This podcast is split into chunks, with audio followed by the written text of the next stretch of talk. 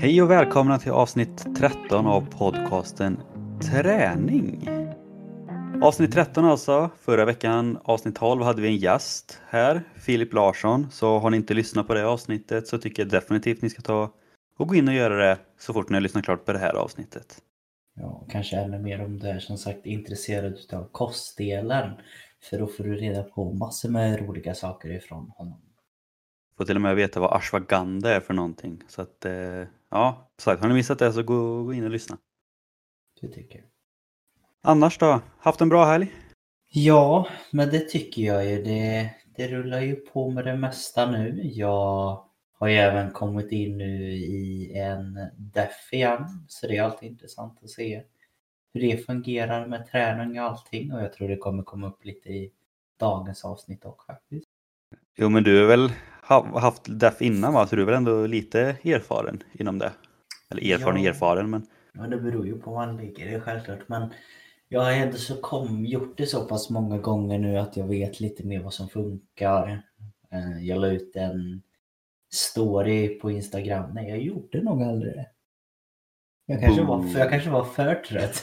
jag, jag tror att jag la ut en story på att nu kom vecka två och det kommer den återkommande dippen eller något sånt. Men jag, börjar tveka mig själv lite. Men jag vet ju nu denna veckan har det varit tidigare att vecka ett är så här. Det känns alltid väldigt, väldigt bra. Man blir liksom så här taggad eller förstår du? Man bara åh nu börjar jag på något nytt. mm. Eh, och sen så vecka två blir alltid en dipp just att jag så här mitt på dagarna bara så här är trött. Jag blir sur lätt och eh, så där, där, där kommer ju liksom väldigt bra och lägligt. Men är det vecka två nästa vecka eller var det den här veckan? det är denna veckan. Eh, men jag tycker ändå så det har gått bra och vi har mer koll på det. Det blir väldigt spännande nu när jag har annat mål och tidigare har det enbart varit att liksom vara bygga muskler och vara stor. Men det blir också svårare att balansera det nu när jag gör så pass mycket mer. Eh, det blir inte cardio längre utan nu är det liksom löpträning, konditionsträning jag gör i och med att jag har de andra målen. Så det ska bli intressant att se vad som händer faktiskt. Ja men det låter lite kul ändå. Själv då? Hur har livet rullat på sen förra avsnittet? Jo men det är... rullar på gör det ju. Det är fullt upp här med både jobb och plugg och jag är uppe... Eller inne på sista nu på mitt examensarbete i skolan så ska vara inne nästa söndag så att eh, ja, det är fullt upp. Mm, vi får, kan man kanske få någon sammanställning på det tror du? När allting är klart? Det kan jag absolut läsa. Om jag får fram någonting det vill säga. Det... det får vi väl se helt enkelt. Men jag tror det skulle vara intressant som sagt kanske även för lyssnarna. I och med att du har jobbat med det ganska länge nu och blir det inte avsnittmässigt så får du ju dela det med mig i alla fall. Ja, ja men det läser vi. Men dagens avsnitt då? Det kommer att handla om återhämtning. Och anledningen till att vi fick den här, det var väl även där faktiskt en lyssnare eh, som önskade att jag vill veta om det här. Och då bestämde vi att vi tar ett helt avsnitt åt det. Ja, och det är ändå en väldigt viktig del inom träningen om man ser det så, eller i livet som helhet egentligen. Just återhämtningen. Ja, och det är väl en del som inte ignoreras, men inte riktigt pratas om. Upplever jag det som i alla fall, utan det är mer bara fokus på allt aktivt man gör. Det är inte så många som kanske visar och ger tips på vad man ska tänka resten av de 22 timmarna liksom, om man tränar två timmar per dag. Liksom.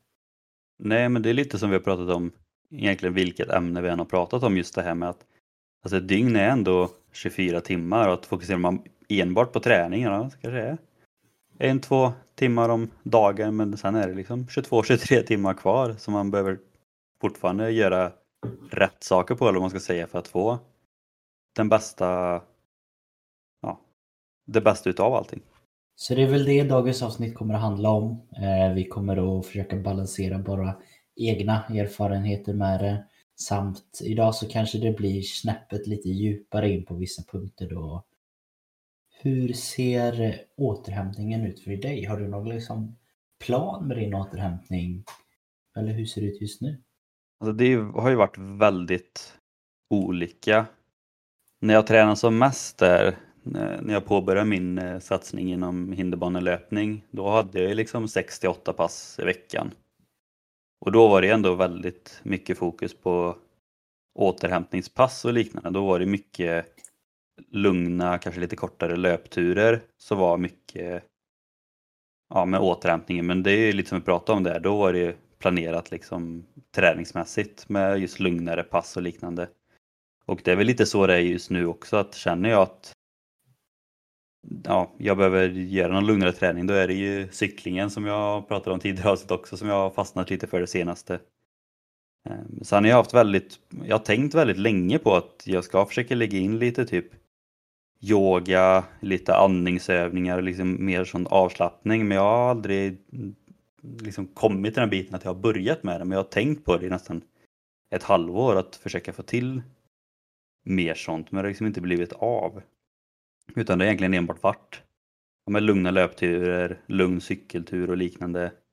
Och sen hoppas på bra sömn liksom. Men det vet jag också att det har också varit väldigt upp och ner. Någon vecka är sömnen väldigt bra, någon vecka är det mindre bra. Det vet ju du. Jag brukar nämna det ibland när jag är uppe halva natten och inte kan somna eller liknande. Så att, eh, för min del har det verkligen bara varit just de här lugna liksom, konditionspassen i så fall. Liksom, resten av återhämtningen har egentligen blivit mer, ja, inte bortglömd, men inte lika mycket fokus på. Och sen, eh, mm. ja, så när jag tränade som mest då var det ju inplanerat liksom. Nu är det mer ja, vad jag känner för. Känner jag för att köra hårt, kör jag hårt. Känner jag för att ta ett lugnare pass, ta ett lugnare pass. Så, så. Liksom vad, beror lite på vad kroppen, vad kroppen är just den dagen. Hur såg det ut i liksom, när du höll på fotbollsmässigt? Eller när blev det liksom som du fick introducerat för att det kan vara bra att liksom ha aktiv återhämtning? Eller pratade ni någonting om det i fotbollen när du tränade? Eller? Väldigt lite i fotbollen. Enda gången var väl egentligen om man hade, säg match på söndagen och träning på måndagen då, men det var inte jättemycket återhämtningsträning. Det var mer att ja, men, det var mer latch, typ. Vi körde lite så här fotbollstennis eller lite lekar sånt, men det var ju väldigt sällan vi hade så här riktigt återhämtningspass. Men samtidigt så är det inte det kanske jättekonstigt, för jag har ju ändå spelat i ganska ja, men, låga divisioner och liknande och där kanske inte den kunskapen är lika hög eller om man säger som det kanske är för dig som spelar handboll i en elitförening. Liksom. Det kanske är lite högre just kunskaper inom det området. Mm, alltså, men så tror jag ändå så att man fick liksom en liten, anledningen till att jag tog upp det var att jag minns att jag fick en liten förståelse för att det var liksom viktigt att vila på det sättet ändå. Att eh, det var kanske det första som man utan att veta det, liksom den här med och jobba periodmässigt. Att man liksom var inställd på att man körde så. Och sen när det började närma sig i slutet på säsongen, i alla fall för oss, så hade vi ju alltid väldigt många kupper där ett tag just kring jul. Liksom. Det var Göteborgs cup, Norden cup, SM, alla låg liksom där. Och man visste att det då drogs volym och sånt ner väldigt mycket och vi pratade liksom om det. Att ja, men nu ska vi inte gymma lika hårt utan nu är det ju den här perioden. Och Eh, även om det kanske inte var gym för Edel så det känns det som att de hade ju ändå så förståelsen för att man kanske inte ska träna lika hårt. Liksom. Men för oss var det inte så. Eller även om tränarna kanske hade planerat så så var det liksom inget som gick ut till oss. Mm. Personligen så fick väl jag egentligen upp ögonen för det under gymnasiet egentligen. Första gången då att man förstod att det är bra med sådana periodiseringar eller vad man ska säga. Mm. Så det var väl ändå Sent är det ju inte men ändå ganska sent med tanke på hur länge man håller på med träning och liknande. Ja, sen kanske jag ska vara tydlig att de har inte sagt något om periodisering. Men, ja, nej, nej, men... men, nej, men alltså, jag kände att ändå så att det var flera av oss som förstod att nu är det den här perioden och de skickar med oss att nu ska ni inte gymma grabbar utan nu ska ni kanske gå ut och springa eller jogga två gånger för att det här är liksom Ja. men ni märker att det blir en skillnad i träningen liksom. Ja, och det blir liksom mer fokus på annat, mindre ja. spurter. Alltså så här, man visste att det skulle vara och sen så visste man att nu är det försäsong så då, då blir det tungt. Och då, mm. Ja, liksom på det sättet. Men hur ser det ut för dig nu då med återhämtnings... Ja, inte bara träning men återhämtning överlag? Återhämtning överlag eh, har väl ändå så, den är väl inte lika riktigt bra nu som förr. Och med det menar jag att i och med att jag ändå hade lyxen att jobba på ett gym där väldigt länge så blev det ju de här att jag fick väldigt mycket tid på gymmet. Jag visste att nu har jag ett hål kanske på en timme. Ska jag gå hem eller ska jag stanna kvar på gymmet? Och I och med att jag dels trivdes mycket på gymmet och kände att jag kan lika gärna vara här. Det liksom gynnar mig både personligen och säljmässigt och allting. Då var det mycket mer vanligare för att jag la in aktiva typ aktiv vil, vilopass eller vad man ska säga. Mm. Att göra till extra yoga eller att göra till extra rörlighet eller göra till mm, extra grejer bara för att jag visste att det var nyttigt liksom för mig. Och jag hade ju också lyxen att få hålla liksom minst ett yogapass i veckan. Eh, Och det var minst liksom och det var ju mina sätt att återhämta mig. Ehm, Men det var väl även någonstans där, kanske i slutet av gymnasiet faktiskt, som jag själv började uppleva att man kunde på gränsen överträna sig. Jag fattade ju inte riktigt vad det var innan i och med att jag tror aldrig att jag riktigt kunde det. För att med handbollen blev det automatiskt att när det blev de här matcherna gick jag liksom ner i allt annat. Och då blev det naturligt vila. Men jag vet att ganska länge, kanske redan ifrån 18 års ålder där, så i mitt huvud har jag alltid haft att jag kan träna hårt i tre veckor. Och sen fjärde veckan så måste jag ta väldigt lugnt. Och så jobbar jag aktivt fortfarande när jag lägger upp mina träningsupplägg. Att min kropp svarar väldigt bra på tungt i tre veckor och då kanske vi pratar om sex, eh, sju pass i veckan. Ehm, och då när jag gjort det i tre veckor så behöver jag oftast ta den fjärde veckan.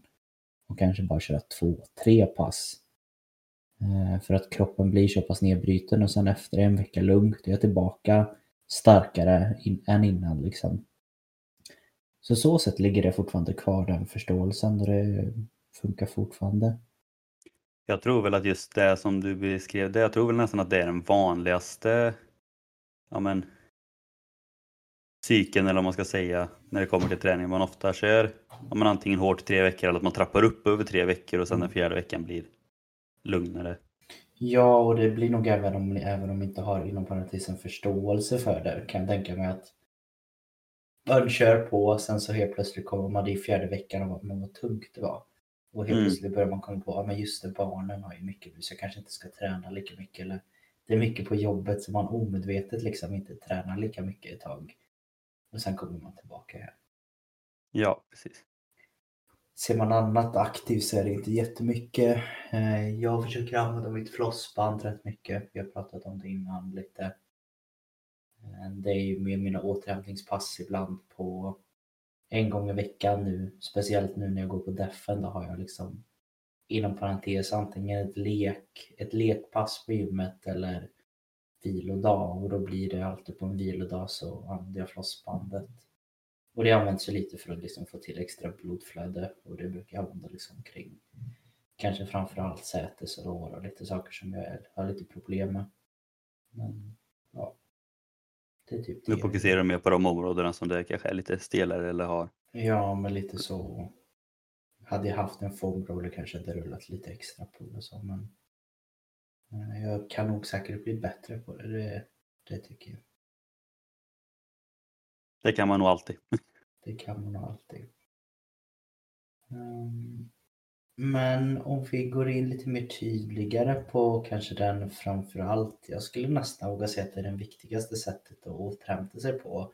Både fysiskt men också framför allt mentalt och bara allmänt mående. Någonting som inga tänker på tror jag att det är faktiskt återhämtning. Det är ju det vad hjärnan, hjärnan och kroppen gör när man gör det här. Och det är ju när man sover. Ja men verkligen. Alltså, jag, de flesta kan nog känna igen sig i det att har man, har man sovit dåligt så, eh, i alla fall ett par, om man sovit dåligt ett par dagar så är verkligen inte kroppen på helspänn. Det, och har man däremot sovit väldigt bra en hel vecka så mår man jävligt bra. Mhm. Jag tror de flesta kan känna igen sig i det. Liksom. Ja men det blir liksom lite den här att man liksom livet leker, man går på mål verkligen när man har träffat in en riktigt bra sömnvecka. Att man liksom studsar upp och man känner sig redo för alla problem som finns och sen det bara liksom rullar på. Ja, och framförallt om man har haft kanske lite, en lite sämre sömnperiod och sen får en bättre sömnperiod och man känner verkligen skillnaden.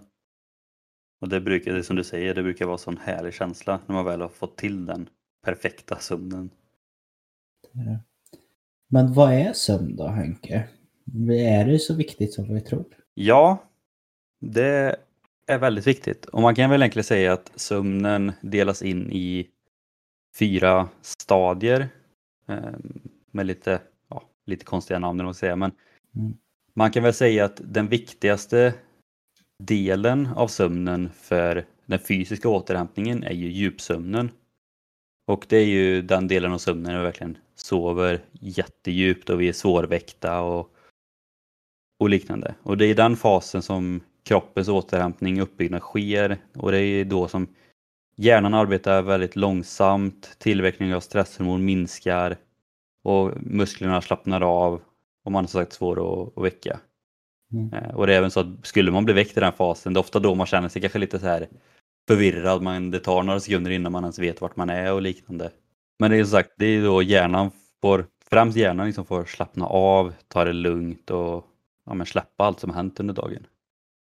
Just den här djupsömnen tror man ju att den sker liksom, kanske i, i mitten av natten och liknande men den största delen av djupsömnen har vi klarat av efter ungefär bara fyra timmars sömn. Alltså om, vi, om man somnar vid, eller lägger sig och somnar vid midnatt så är djupsömnen ungefär klar vid ja, men ungefär klockan eh, tre.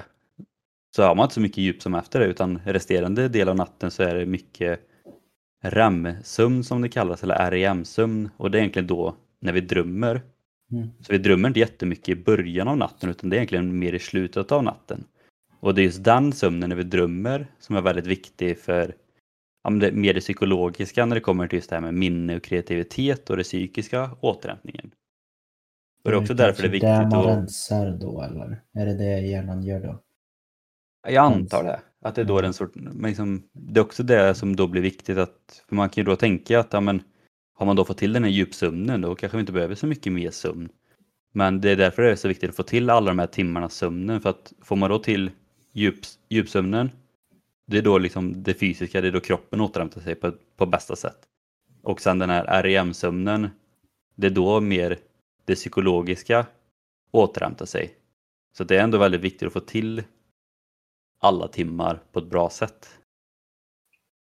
Ja, och jag tycker kanske man hör det här, eller jag upplever att jag har hört en del just kanske framförallt kring djupsömnen då. Det tycker jag är någonting som nämns lite här och var, att folk slänger ur sig. Och kanske framförallt där när man har hört att eh, koffein och så tätt på liksom eh, just sömnen eller när man går och lägger sig att det påverkar att den förkortar liksom den lite del och så. Ja men det blir väl liksom att ja, jag vet inte riktigt vilken del som det tas hårdast på men sover man lite så blir det att det är ju någon del av sömnen som tar stryk. Om det är djupsömnen eller REM-sömnen eller drömsömnen som det också kallas. Det, det vet jag faktiskt inte riktigt eller om det är båda men som sagt för, för den bästa återhämtningen så är det ju bra att få till både fysisk och psykisk återhämtning. Jag själv har väl inte varit jättenoga med, med sömnen så. Men jag tror också att det beror väldigt mycket på Alltså många, jag kan tänka mig att många kanske sover lite för lite på vardagsnätter när man jobbar och liknande för att man vill mm. nyttja kvällen till fullo och så ska man upp tidigt. Men då kanske man tar någon extra timme på helgerna. Och då blir det som du säger, att då lyckas man ju ladda upp batteriet till fullt på helgen. Och då är det inte, då är det inte så jättefarligt om man tappar någon timme under veckan. Men, men det är just det när man aldrig får, de, får tillbaka de timmarna som man har missat och till slut då så har man ju nästan missat en hel, en hel natts sömn på en vecka kanske. Som man inte har tagit tillbaka. Ja, och sen tror jag också att det lite det hänger kanske ihop också med det här prestationssamhället för det är ju det vi mäter ju allting i prestation idag. Och liksom det här uttrycket, man hör alla framgångsrika säger så här att vill du bli framgångsrik då sover du inte åtta timmar varje natt. Tänk till alla dina konkurrenter gör det. Sover du fyra timmar per natt då har du mycket mer att liksom göra. Vilket, ja, du får mer timmar men liksom, jag, jag, jag stör mig så mycket på det uttrycket alltså. Jag fattar inte att man kan gå ut och liksom säga till unga folk att ja, men strunta i sömnen, det är inte viktigt. Alltså, det blir ju lite så här att ja, visst, du kanske har några extra timmar på på att göra det som dina konkurrenter inte kan göra för att de sover. Men samtidigt kommer ju konkurrenterna då göra samma sak dubbelt så fort för att de kommer ha kraft och energi till att göra det. Så det är liksom bara för att man har extra timmar för att man inte sover så behöver inte det betyda att man får mer gjort. För att hjärnan kommer ju vara seg och kroppen kommer ju vara seg så att de här extra timmarna kanske inte är så nyttiga ändå för att det tar två timmar att göra något som i vanliga fall tar, går på en timme liksom. Mm, verkligen. Och vi är ju kanske bara fortfarande inne och liksom snuddar lite på sömnen. Eh, jag skulle väl även som med mycket annat, är det så att ni blir väldigt intresserade just av sömn så kan vi säkert ha ett helt avsnitt och bara prata just om effekter och sånt just av sömn och allting där. Det har faktiskt varit intressant, för alltså bara det lilla man har läst nu som ändå fått upp en helt ny förståelse av det. Jo men verkligen verkligen. Men jag tänker punkten efter det här då, det är kanske det som är lite mer det inom parentes vanligaste efter sömnen förutom passiv eh, eller hur man ska lägga det. Men det är ju någonting som heter aktiv återhämtning eller om man kontrar det mot passiv. Och det tänker jag att vi ska prata lite mer om. Eh, och just passiv, det kanske är det både du och jag pratade om i början där att man tränar ju inte då liksom utan man, man håller sig bara borta från aktiviteter eller hur man ska lägga upp det. Ja, sitter i soffan och chillar lite. Mm. Och man ser att man har den här klassiska vilodagen eller hur man lägger liksom upp det. Men vad är då aktiv återhämtning? Okay? Men det var väl det som du och jag ändå pratade väldigt mycket om ja, men när vi skulle beskriva hur vi återhämtar oss. Det är egentligen en lugn träningsdag. Det kan vara allt från en kort promenad till cykel till löpning eller ett väldigt lätt gympass liksom där man, man gör träning fast man gör det på så, så pass låg nivå så kroppen tar egentligen inte stryk av det utan det som händer är egentligen att man, man transporterar bort laktat och liknande och andra slaggprodukter i kroppen för att när du ändå håller igång fast på en väldigt låg nivå så ökar ju fortfarande blodcirkulationen och blodflödet i kroppen vilket innebär att syret kommer runt på ett snabbare sätt och slaggprodukter tas bort liksom. Så att, ja, lätt träning kan man väl säga att det är. Ja, men lite så. Jag har ju faktiskt kollat upp en liten studie här så jag tänker att vi kan förenkla lite för er så ni bara ser att, att det här med så funkar. Eh, och man kan se att det var en studie som på alla klassiska, ni som kanske har läst några, ni vet att det brukar oftast göra på lite halvyngre män. Det är oftast det det landar på. Eh, men det hamnade på en studie där det var halvyngre män. Jag tror de fick in ungefär 25 stycken. Så det var inte jättemånga redan. Men det är ganska svårt att få tag i folk under större projekt innan de här. Men de var liksom relativt vältränade. Eh, och eh, de skulle då köra lite bänkpress. Var det det man testade dem i. Där de körde åtta set de körde mellan varje set så hade de 75 sekunders vila.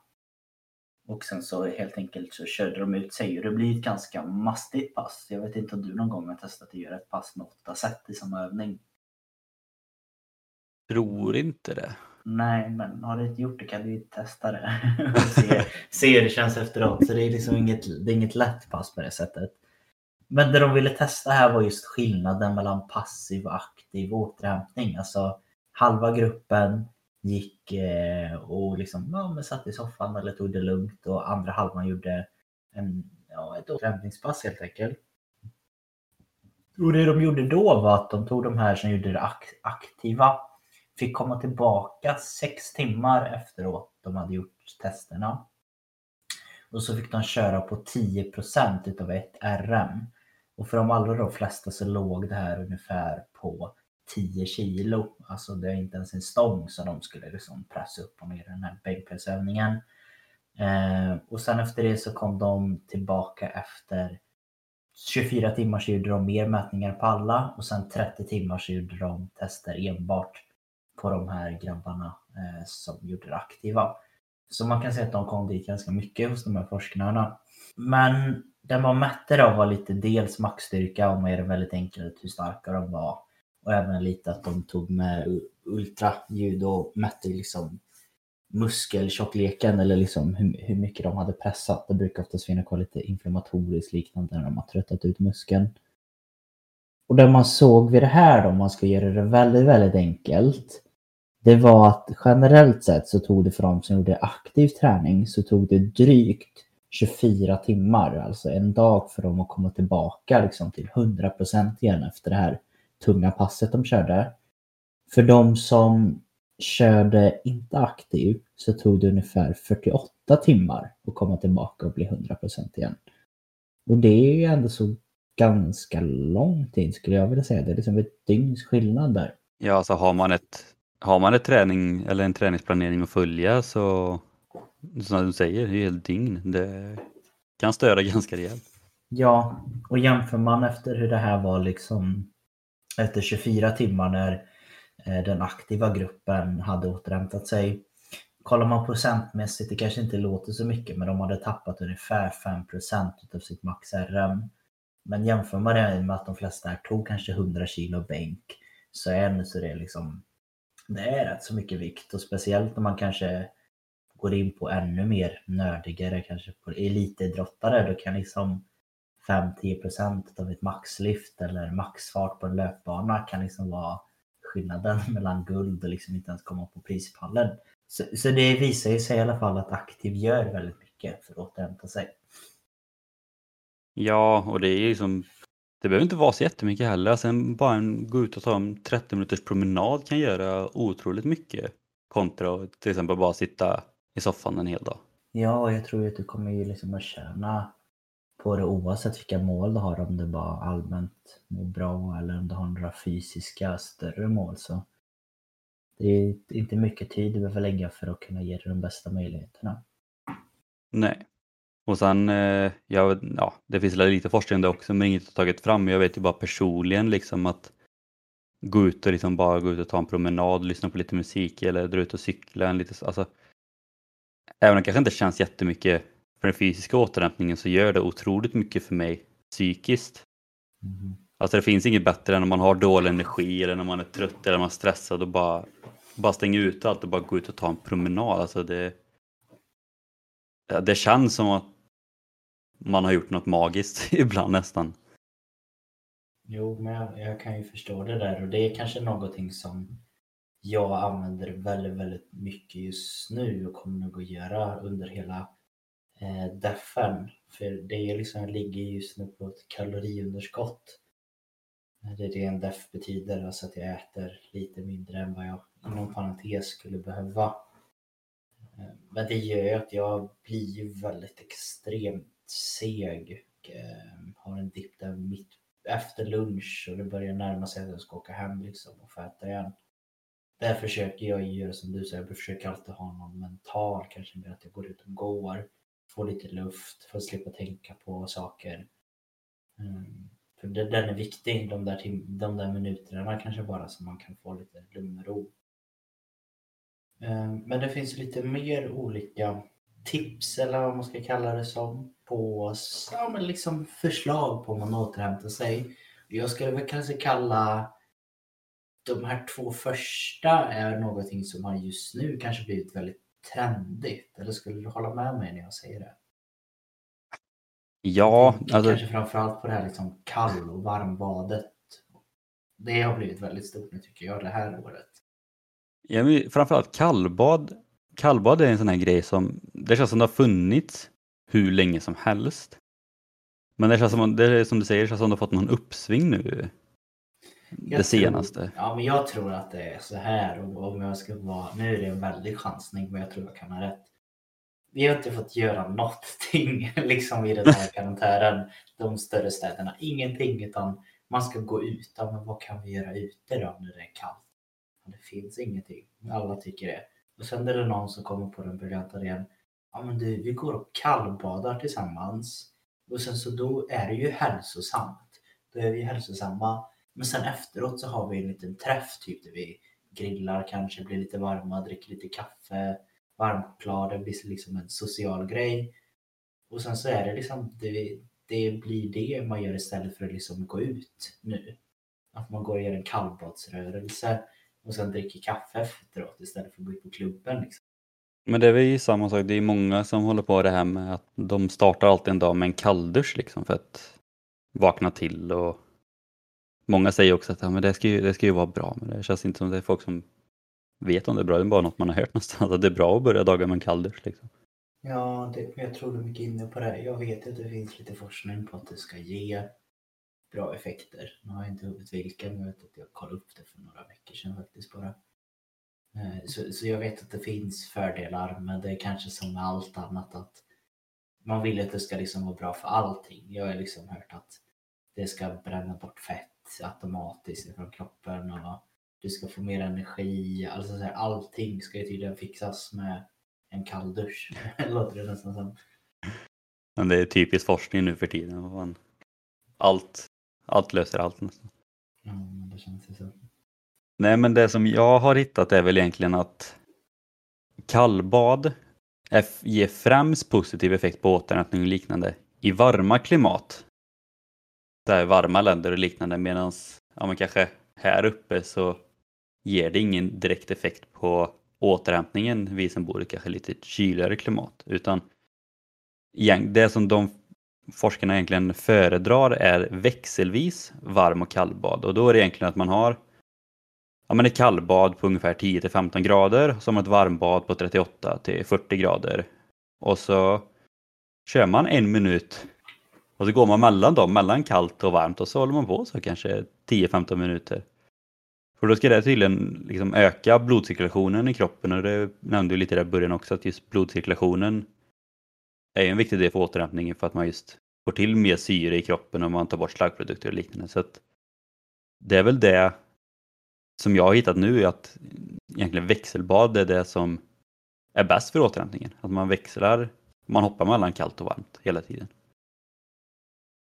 Och det här tror jag kanske man de som lyssnar kanske har sett eller hört att det här är något som lite, hur ska man säga det, lite större atleter brukar använda. Och med större menar liksom kända, att de har mycket pengar bakom sig. Typ som NFL-spelare vet jag gör ju det här rätt mycket. Och de kanske till och med har, jag tror de har någon specialkyl typ som de går in i ett helt rum som är enbart gjort för att liksom kyla ner till väldigt många minusgrader. De går in dit, sen går de ut liksom och lägger sig i en jacuzzi, sen går de in igen. Och det gör de liksom efter varje träning. Eh, ja. Men det är ju för att de har de pengarna att göra det så lyxigt. Men ja. det går ju även att göra det liksom hemma. Liksom. Ganska bra. Men sen kan man väl också säga att det kanske ger mer för de som som sagt tränar väldigt hårt på elitnivå och tränar ofta och liknande. Att det kanske för en vanlig motionär är det väl främst bara jobbigt att få till. Nu kanske det är bättre att bara gå ut och ta en promenad istället. Man behöver kanske inte just den, den återhämtningen som ges så sätt. Men... Nej, inte på den extrema nivån. Men det, är, det är som säger, vill man testa ska man kanske göra, testa det liksom. Vad är det att det inte tar, att det inte blir för mycket stress. Det är kanske det jag tänker att jag kan kanske tänka mig att många upplever att men nu måste jag fixa något sätt att kunna göra ett isvakt dopp och sen kunna eh, hoppa i en jacuzzi. Jag måste göra det. Alltså det blir mer en stress istället för något lyxigt som det faktiskt kan vara att få extra återhämtning. Så kan det mer bli en press liksom och då tror jag att det kanske är riktigt lika bra. Men, ja. Annars kan det ju vara en bra grej att sälja in till familjen hemma. Liksom att, vill ni ha en jacuzzi, säg att det är bra för återhämtningen så får ni ha en liten balja med isvatten i bredvid. Ja, faktiskt. Kör på den idén. Nästa då, och det är väl också någonting som har funnits med väldigt länge och någonting som i, vad ska man säga, liksom i vardagen också för typiskt Svensson har blivit att men det här funkar, det är till för att må bättre både skademässigt och även kunna liksom, ja, men allmänt må bättre i kroppen och det är ju massagen då. Och det är ju någonting som både du och jag har faktiskt testat på. Du gick ju vidare i detta och är nu även friskvårdsmassör. Säger jag rätt? Du säger rätt. Det säger rätt, stämmer. eh, och i grund och botten så skulle jag väl också våga säga att det mesta med återhämtning har ju samma. Det är lite samma som massage. Du kan ju fylla i sen. Men massage blir också lite att man går på kroppen. Man får igång blodflödet lite. Eh, och det, liksom, det startar igång lite extra i kroppen med massage. Ja, men det är precis som du säger. Alltså, det man gör med massage är att det området man masserar gör ju att kroppen automatiskt skickar egentligen mer, med mer blod till just det området. Och överlag så är det att blodflödet ökar, svullnad och muskelspänning minskar. Men när det kommer till liksom just återhämtning så är det egentligen inga överlägsna effekter för massage kontra till exempel aktiv återhämtning som vi pratade om tidigare. Däremot det som massage gör, som många av de andra återhämtningsgrejerna inte gör, är väl att den kontakt och beröring som massage ger motverkar ju till exempel oro, stress och depression. Mm. Så det är väl en sån grej att när det kommer till just, ja, men, det fysiska återhämtningen så ja, är det kanske inte jättestor skillnad mellan massage och aktiv återhämtning. Däremot så förbättrar massage kanske en del psykiska detaljer som inte så många andra gör. Ja, det kanske man kan även säga om man jämför det här att det är inte alls i närheten av att göra ett aktivt återhämtningspass. Att okej, okay, man mår bra, det är väl skönt efter det. Men efter att ha fått en, liksom, en ordentlig bra massage, det är liksom man, det känns ju som det inte finns någonting att oroa sig över ja. hela världen när man kliver ut från en sån massage. Liksom. Alla man... krig och sjukdomar är som bortblåsta liksom. Det... Ja, men i alla fall på en kort, kort stund där. Och det är bra. Alltså, det är också när vi hade det här i skolan liksom. Vi fick ju massage en gång i veckan där eh, i en timme. Jag vet inte, det var väl en termin kanske vi gjorde det, eller hur länge var det? Jag tror det var eller var det ett år? Nej, inte min. Det kanske var det. Men det var liksom på fredagar och var det va? Och liksom få, ja, liksom få den sista lektionen, få en timmes massage. Liksom man kom in liksom i riktig helgmode där kan jag säga att man var riktigt skönt avslappnad. Ja, man är in, tyvärr som har insett det nu vilken lyx vi ändå hade det. För att det är väl det som är nackdelen med massage när det kommer till de här återhämtningsdetaljerna. Att massage kanske är den dyraste av dessa att mm. hålla på med under liksom en aktiv, det är ju inget som man gör efter varje träningspass eller en gång i veckan kanske. Utan som sagt att vi då fick tillgång till massage en gång i veckan, det är en lyx som inte så många har. Nej. Så ska man dra samma slutsats där som med liksom jacuzzin så får du väl se till att antingen skaffa en vän, vän eller partner då som är massör så du kan liksom få samma skillnad på det. Liksom. Men det är både bra för återhämtning och allt annat. Tänker jag ju bara rekommendera det överlag att hittar ni en massageutbildning så alltså, även om det kanske inte är något som ni vill jobba med så varför inte gå? Alltså jag sagt, de flesta gillar massage och man får en förståelse för sin egna kropp och är man kanske ett par eller två vänner som går ihop, ja men då, då kan man ju massera varandra sen. Det är ju win-win egentligen. Ja, faktiskt. Nu när du säger det, det är nog ett väldigt bra sätt att liksom investera i sig själv på. Man kanske kan till och med använda det friskvård, det vet jag inte.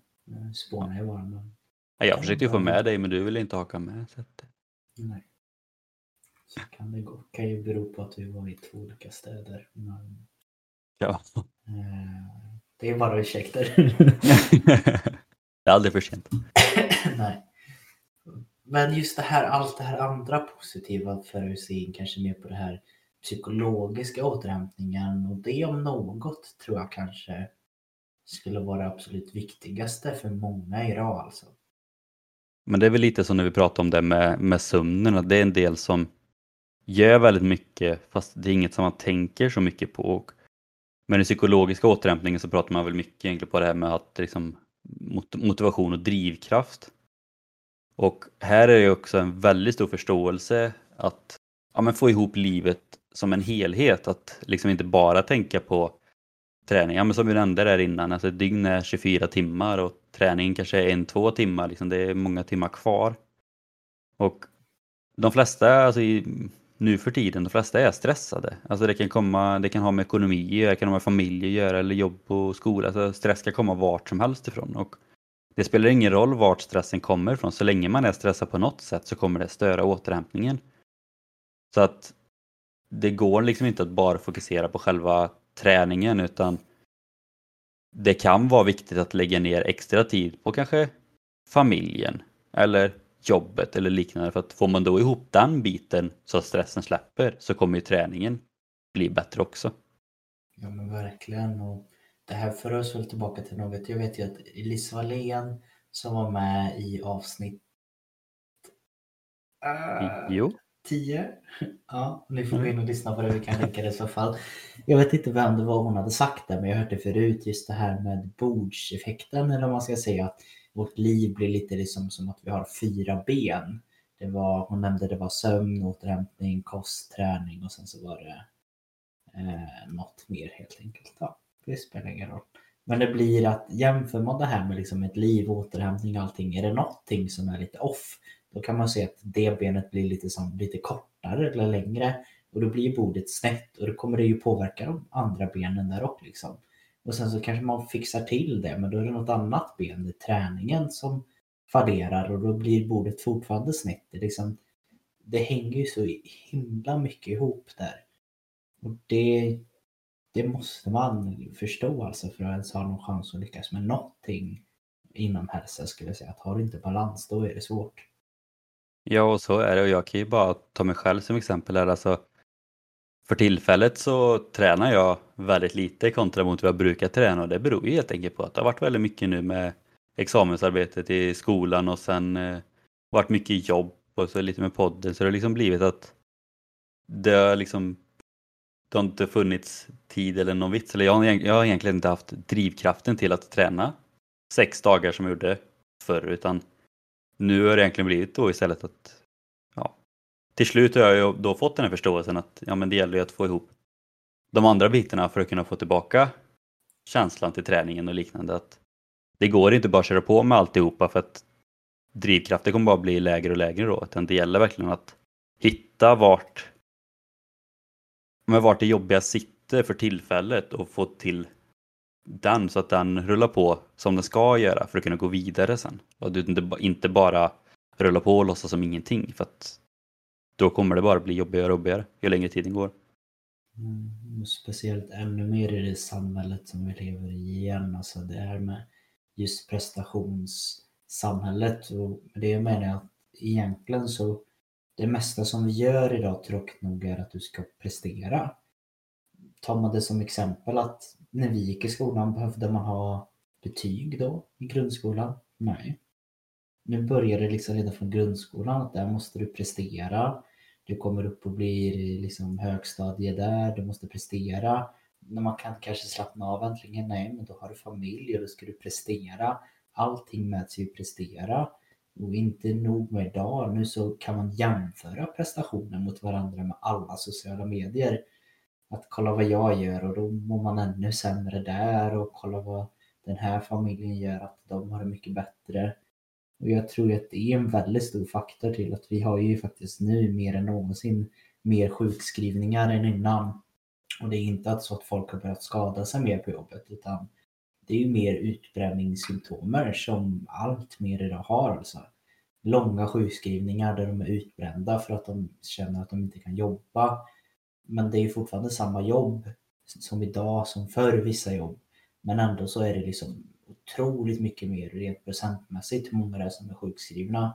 Och jag vågar ju nästan, jag kan till och med lova att det beror ju på det här att den psykologiska återhämtningen är så extremt mycket svårare att få idag. För även när du är ledig så liksom är det pling, pling, telefon, mail. Det är ständigt uppkopplingsbar alltså.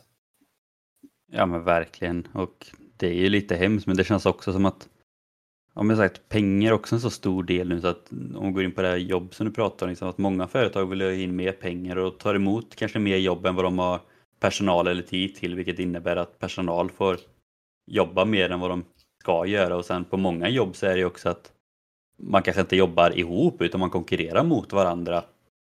Och det är också liksom, så det blir som du säger att det är ju konkurrens och press hela tiden. Och sen framförallt nu också under den här pandemin som vi lever i när man helt plötsligt ska försöka ta ansvar och göra allting hemifrån också.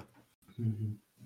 Det vet man ju själv hur mycket slappare man har blivit när man sitter hemma. Så bara, bara den lilla detaljen med att gå till skolan och ha föreläsning, det gör ju att man blir mycket piggare och det känns som att man gör någonting. Nu, så här, nu går man från soffan eller sängen till datan liksom, och sen sitter man där. Och sen att, ja, stressigt samhälle och sen pandemi på det, det. Det är mycket att tänka över. Ja, just det här just igen med de här sociala medierna. Jag hörde faktiskt bara för några dagar sedan kom jag på ett väldigt intressant eh, inlägg just om det. det. Det kommer nog aldrig ske men jag tycker det kan vara värt att ta upp. Jag tror det var den här kvinnan pratade om och sa tänk om alla sociala medier hade funkat som alla vanliga eh, liksom 8 till 5 jobb. Att det är så att sociala medierna stängs kanske ner klockan, vad var det hon sa, klockan 8 på kvällen. Att alla sociala appar bara stängs ner. Och då tänkte jag vilken effekt det hade fått för alla. Om Vad Facebook, gött det hade varit på ett sätt eller? Ja men på ett sätt att i början alla så här när de hörde det, men gud det kan man inte göra. Rada, rada, rada. Men tänk dig om du hade vetat att klockan åtta då finns inte Facebook, Twitter, Instagram. Alla tar ledigt då för det är kväll. Jag tror det, hade de lyckats med det, då tror jag många i världen hade varit mycket bättre. Sen kanske det här är ett väldigt liksom privilegierat och bara, ah, det jobbigaste som finns är att klara av min Instagram. Men det, det, det, jag tror det har mycket för psykisk ohälsa att göra alltså. Men det är ju mycket också, alltså, även om man kanske inte vill hålla på så jättemycket med sociala medier och liknande så är det ändå, alltså, håller man inte på med sociala medier, alltså, man missar ju så otroligt mycket. Mm. Alltså det vet man ju själv, alltså, även om man inte är så eller kanske inte vill gå in och kika hela tiden så ibland känner man att man måste bara för att veta vad som händer. Alltså, pratar man med andra som hänger på sociala medier så har de sett hur mycket som helst och så kanske man själv har missat allting för att man inte har kikat. Och då blir ju det en stress på det sättet istället, att man känner att man har missat så otroligt mycket. Ja. Fast det kanske på ett sätt bara hade varit gött att missa allting. Jag försöker ju faktiskt ha, vi kan gå in lite på det och jag kan börja ge ett exempel just på just att återhämta sig rent psykologiskt.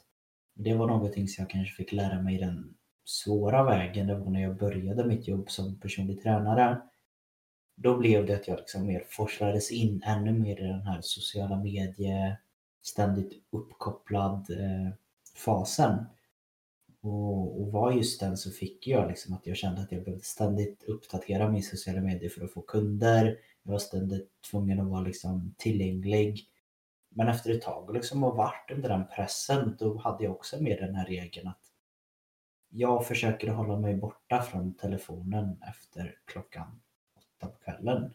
Lite kanske senare nu när jag har lite annat jobb, men jag tror att det kan vara en väldigt nyttig grej för just den här psykologiska återhämtningen. Att införa den här liksom mobilregeln att vi använder inte mobilen hemma hos oss efter den här tiden.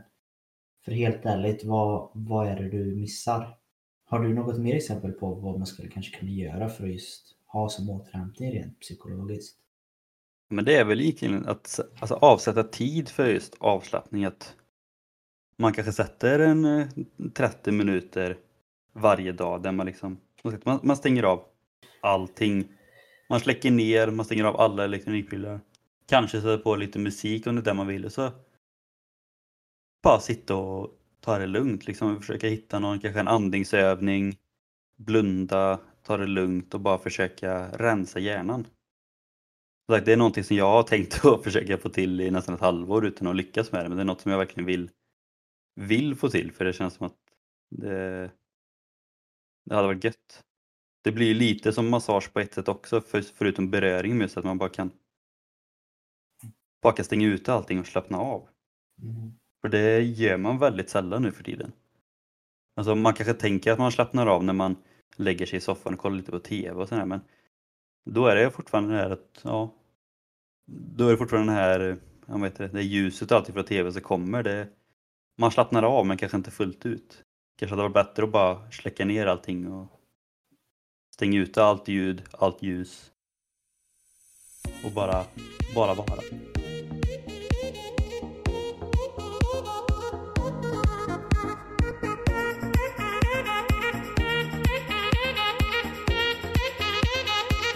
all den här formen av återhämtning och hur man återhämtar sig och allting mellan himmel och jord inom det här stora området. Jag kan säkert tänka mig att för många så kommer eh, frågan upp hmm, Är det någon skillnad på ålder hur man återhämtar sig? Är det någon skillnad på kön till och med kan jag säkert vissa undra. Vet vi något om detta? Det finns väl lite forskning om det och sen det som jag har tagit fram här har väl egentligen med sömnen att göra och det är att ju äldre vi blir desto mer lättväckta blir vi. Och det är helt enkelt så att när vi blir äldre så minskar djupsömnen vilket betyder att vi sover ytligare och vaknar lättare. Eh, och det kan vara så att ju äldre vi blir desto mindre sömn kanske vi behöver. Det finns ingen riktig forskning som stödjer det men det finns ändå teorier om att vi kanske behöver mindre sömn ju äldre vi blir. Kanske beror lite på att ju äldre vi blir desto mindre energi är vi också av med.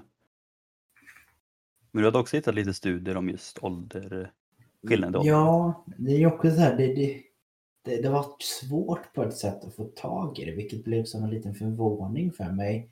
För jag, i allting som man söker upp just inom forskning, så jag är så här, jag vill gärna ha ett ganska svartvitt svar att det ska vara nej eller ja, vilket kanske inte är det man kan förvänta sig, men det är alltid tacksamt att få det. Speciellt när man ska också sammanställa det på ett enkelt sätt, som vi, eller inom parentes enkelt sätt som vi försöker göra i podden.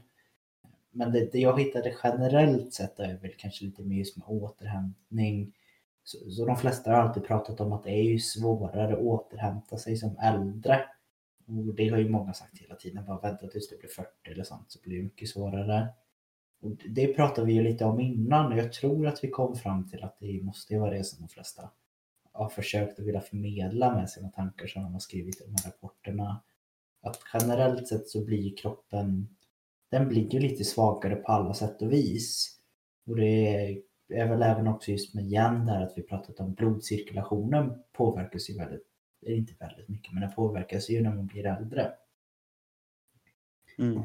Och där skulle jag vilja säga att det blir ju allmänt att muskler och hjärta och allting sånt blir lite svagare. Det blir att man får ett allmänt lite lägre maxpuls. Vilket i sin del gör att det blir lite svårare och lite tyngre att liksom pumpa runt allt syre i kroppen. Och detta i sin del gör ju att det blir då lite svårare att även få bort liksom de här slaggprodukterna. Så allting blir lite mer trögstartat och tar lite längre tid. Så, så ja, det blir svårare när man är äldre. Jag vet inte om du vill fylla in något just i den delen? Alltså det är väl egentligen främst att ni kanske också har märkt det nu att mycket, mycket hänger ju som sagt på just blodcirkulationen och mm. blodflödet på de flesta återhämtningsgrejerna. Och det blir ju som sagt så att blir då kroppen lite svagare och blodcirkulationen blir lite sämre så blir ju återhämtningen naturligt kanske lite långsammare. Ja. Och sen så tror jag det här är någonting som nu ännu mer känns som att det forskas ännu mer om. Och då kanske det är framförallt inom spannen med 60 år och plus. Och anledningen till att jag tror det är att i, världen idag så det blir ju för varje år som går så blir det ju mer och mer folk som lever på jorden som är äldre liksom. Eh, mm. Jag vet inte, jag har nog inga direkta siffror på det men det ökar ju bara varje år. Ja, medelåldern blir väl ja. alltid högre. Ja, för att vi har liksom den teknologin och vi kan rädda folk mycket enklare så. Så det är en helt annan grupp nu liksom äldre som tränar och håller igång och vill liksom kunna återhämta sig bra för att kunna ha ett långt och ja, rörligt liv liksom. Så det kommer nog få ännu mer svar kring det här om bara några år skulle jag vilja säga. Ja men det tror jag definitivt. Det, som sagt, det kommer ny, som jag sagt tidigare också, det kommer ny forskning hela tiden. Så att... Det gör det. Jag hittade en liten eh, forskning på det här då. Och det var kanske framförallt inom styrketräningen. Och anledningen till att jag fastnade vid den här det var för att det var en av de som visade att det kanske inte är så stor skillnad som många andra tror. Och det de gjorde var att de satte upp eh, två stycken olika grupper med eh, även där två grupper med relativt vältränade män än en gång. Då. Eh, och det här så delade de upp dem i två grupper. En grupp som de kallar för medeläldre eh, och en som de kallade för yngre helt enkelt. Och medeläldregruppen hade en medelålder på 47 år. Så det betyder att det var några som var yngre och några som var äldre. Och den yngre gruppen hade en medelålder på 27 år. Så det var de här två man jämförde helt enkelt. Även här hade de ett BMI på överviktiga. Eh, även om de var medeltränade. Men det säger väl också lite om vårt samhälle att vi allmänt går över den där BMI-skalan ganska lätt nu för tiden skulle jag vilja säga. Ja. Mm, men det de, det de testade här då, det var att de gjorde ben eh, extensioner eller bensparkar när man sitter i den här maskinen och ska sträcka ut benen. Enda skillnaden var att de inte använde sådana plattor eller vad man ska säga klassiska. Att man sätter sig och ska liksom lägga på med vikt. Utan de använder mer en maskin som aktivt känner av kraften du lägger ut och sen ut därifrån så lägger de på ett motstånd. Vilket betyder att det blir så tungt som du trycker ifrån. Så, ja, det, det blir enklare att mäta på ett sätt där. Eh, här gjorde de då 8 gånger 10 set med de här bensparken. Och eh, även här gjorde de ju massor med tester, vilket ändå så var kul när man läste på det. Att det kändes som de ville få väldigt mycket bra liksom, research på det. Det skulle inte bara vara en uppskattning på att ah, men jag känner mig att jag inte återhämtat, utan de ville verkligen visa det här att det skulle vara någon skillnad eller inte. Så de mätte både i ömhet och där tror jag att det var lite mer att de liksom kanske inte riktigt peta på benen men det var liksom så här, man skulle känna hur det kändes liksom. Var det ömt i musklerna? Det var även en skattningsfas, alltså där de skattade sig själva hur trötta de var. De gjorde även här ett ultraljudsaktigt eh, där de mätte svullnaden på musklerna. Eh, och de mätte även lite blodvärden och liknande.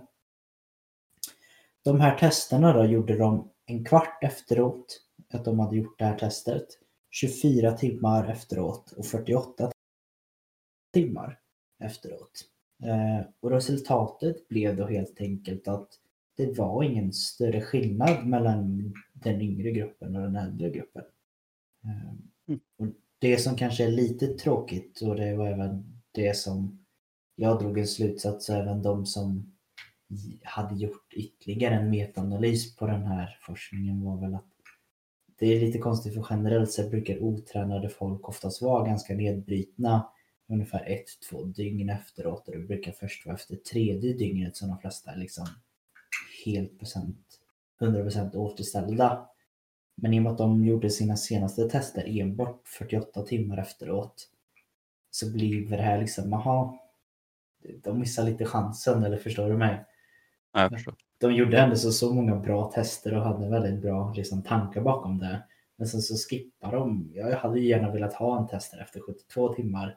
Det hade varit väldigt intressant att se om det hade varit någon större skillnad då.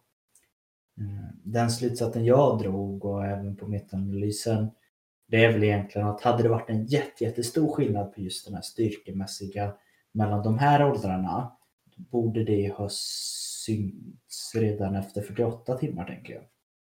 Ja, jag tror också. Men sen blir det ju också att det är ju sådana här studier som gör att fler vill göra liknande studier och liknande. Till exempel som när du säger då att du hade velat göra efter 72 timmar eller liknande. Då är det ju förhoppningsvis folk som fortsätter på den studien sen. Så förhoppningsvis kan man ju då få med lite antingen svar som stärker eller lite nya svar och sånt inom snar mm. framtid. Ja, men lite så. Eh, och någonting som jag också tänkte på att det är allting som jag har läst och det gör sig det tyvärr tycker jag på de mesta forskningen inom träning så görs det på yngre eller medel yngre män. Det är väldigt sällan man ser en forskningsrapport eller någonting som gjorts på kvinnor. Vilket jag tycker är tråkigt för det händer ju även mycket dem. Liksom. Eh, om man tar på äldre kvinnor just med återhämtningen tror jag det kan vara väldigt intressant att se vad händer i, vad är, vad skillnaden mellan innan och efter liksom, klimakteriet. Vad, det, det vet man inte, jag hittar ingenting om det faktiskt. Jag tror väl det har liksom, eh, det är väldigt lätt att hitta män eller killar som vill ställa upp. Jag tror det är svårare att hitta kvinnor men, men samtidigt behövs det forskning om det också och vill man forska inom det så tror jag nog inte att det är omöjligt att hitta deltagare till det heller. Nej, och jag tror ju om bara några år här, om man bara kollar liksom i fitnessvärlden eller styrkelyftsvärlden så är det ju allmänt mer kvinnor idag som tränar faktiskt än män. har jag för mig att jag har på. Och även att det faktiskt är mer kvinnor som vågar, som lyfter tungt, eller förstår du? Att eh, de är lite duktigare än oss just nu på att träna. Jag har faktiskt en klasskompis som skriver sitt examensarbete om eh, kvin kvinnor som eh, kör styrkelyft och dess påverkan på, på dem. Eller något liknande. det hade ju varit intressant att höra lite om faktiskt. Ja. Eh, Men slutsats då, nu är just på den här skillnaden med skillnaden mellan ålder och inte. Det är att generellt sett så blir kroppen lite mer nedbruten desto längre man går. Men det är också nog kanske väldigt mycket just vilken grundupplägg eller grundstyrka kondition du har från början skulle väl jag våga säga. Ehm, sen så påverkar det självklart då.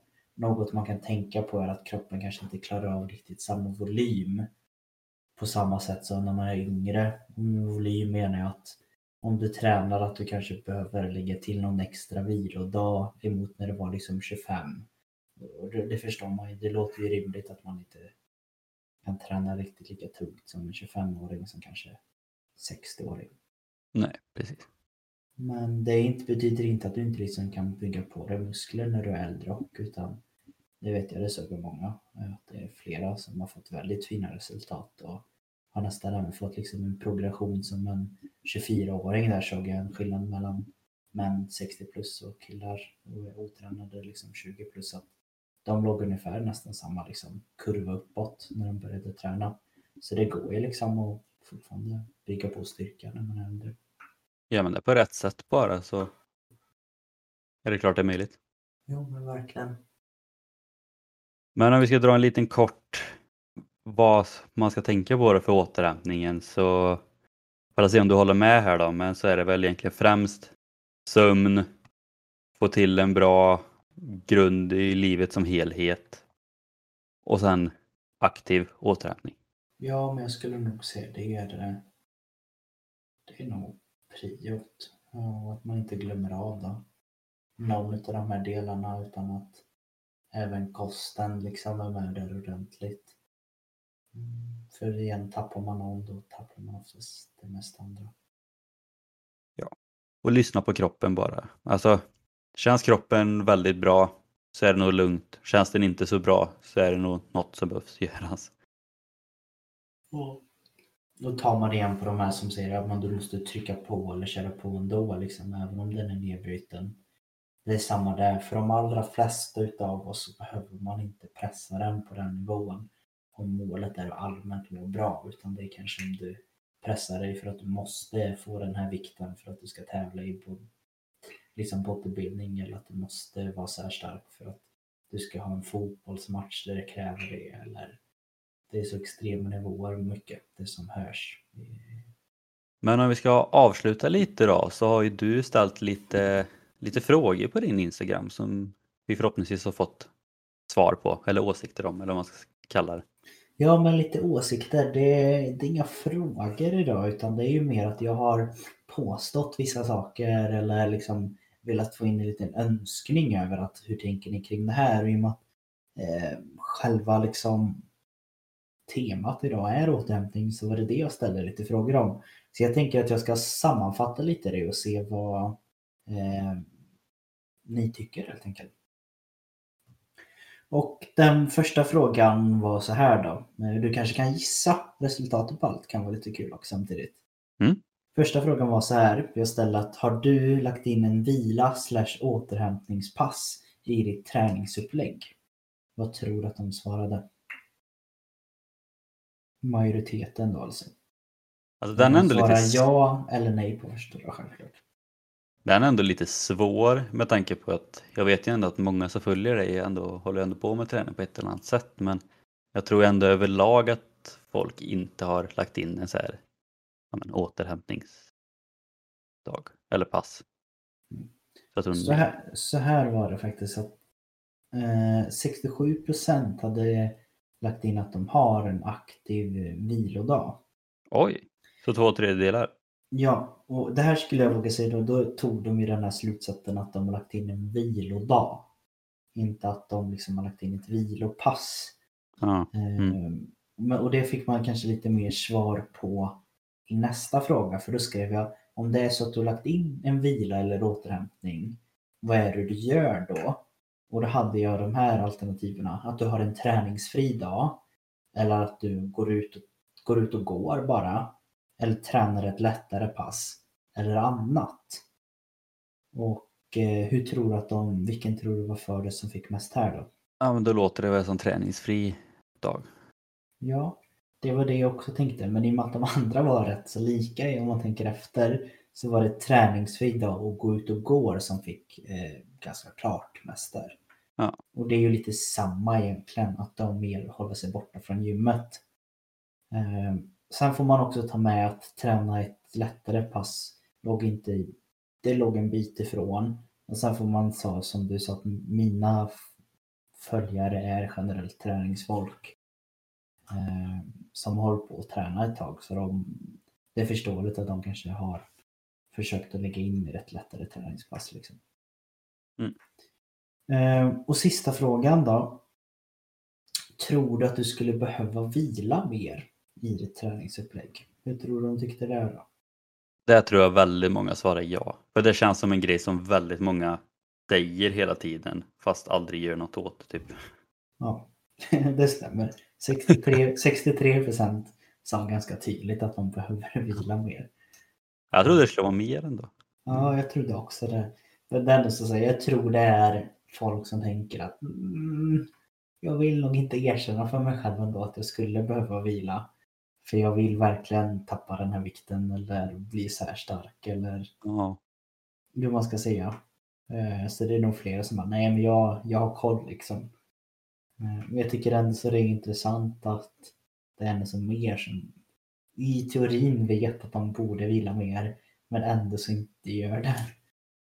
Ja men det är just det att verkligen göra det. Det är samma sak som jag sa där. Jag har nästan i ett halvår bara försökt få till sådana här avslappningstimmar eller liknande i min träning men det, jag har fortfarande inte kommit igång med det.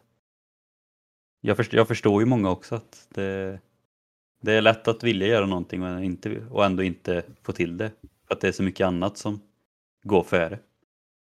Ja, men det är väl igen det här prestationssamhället att Ja, när du gör något aktivt då är det bra. Men du, du gör något passivt som de upplever återhämtningar att du, de känner att jag tjänar ju ingenting på att vila. Jag går inte ner i vikt utav att vila eller så. Det är inte Nej, lika lätt att göra det tråkigt nog. Men eh, där fick vi lite hur eh, ni lyssnare tänkte kring det. ja. Och det var väl typ det vi hade för dagen. Ja, men jag tror det faktiskt. Det är inget mer som kommer upp i mitt huvud i alla fall. Mm, Lite så här, kanske lite mer djupare på flera utav dem, men jag hoppas att ni uppskattar detta och rent statistiskt så tror jag att det syns att de uppskattar de inom parentes nördigare avsnitten och Ja, men ni får gärna skriva också om ni vill ha fler, liksom, fler studier eller liknande så blir det lättare för oss också att anpassa avsnitten. Självklart, självklart. Men när vi rundar av som vanligt då, vart är det de hittar oss Henrik? På Instagram, Traning Podcast, får ni jättegärna gå in och följa. För där kommer vi ställa upp lite frågor och ni kan komma med åsikter och ni vet lite vad som händer. Det kommer även vara lite tips och tricks från oss. Jajamän, och sen är det ju som alltid att vi rekommenderar er att gå in och följa oss på alla podcastplattformar eller kanske på den podcastplattformen som du lyssnar på oss just nu. För är det så att du prenumererar eller följer våran, då får du ju upp den här notisen direkt när vi släpper det här avsnittet så att du kan vara först och få reda på liksom den här fantastiska informationen. Och med de orden då så tänker jag att vi egentligen bara tackar för oss och önskar er en fortsatt bra dag helt enkelt. Det gör vi. Ha det gött!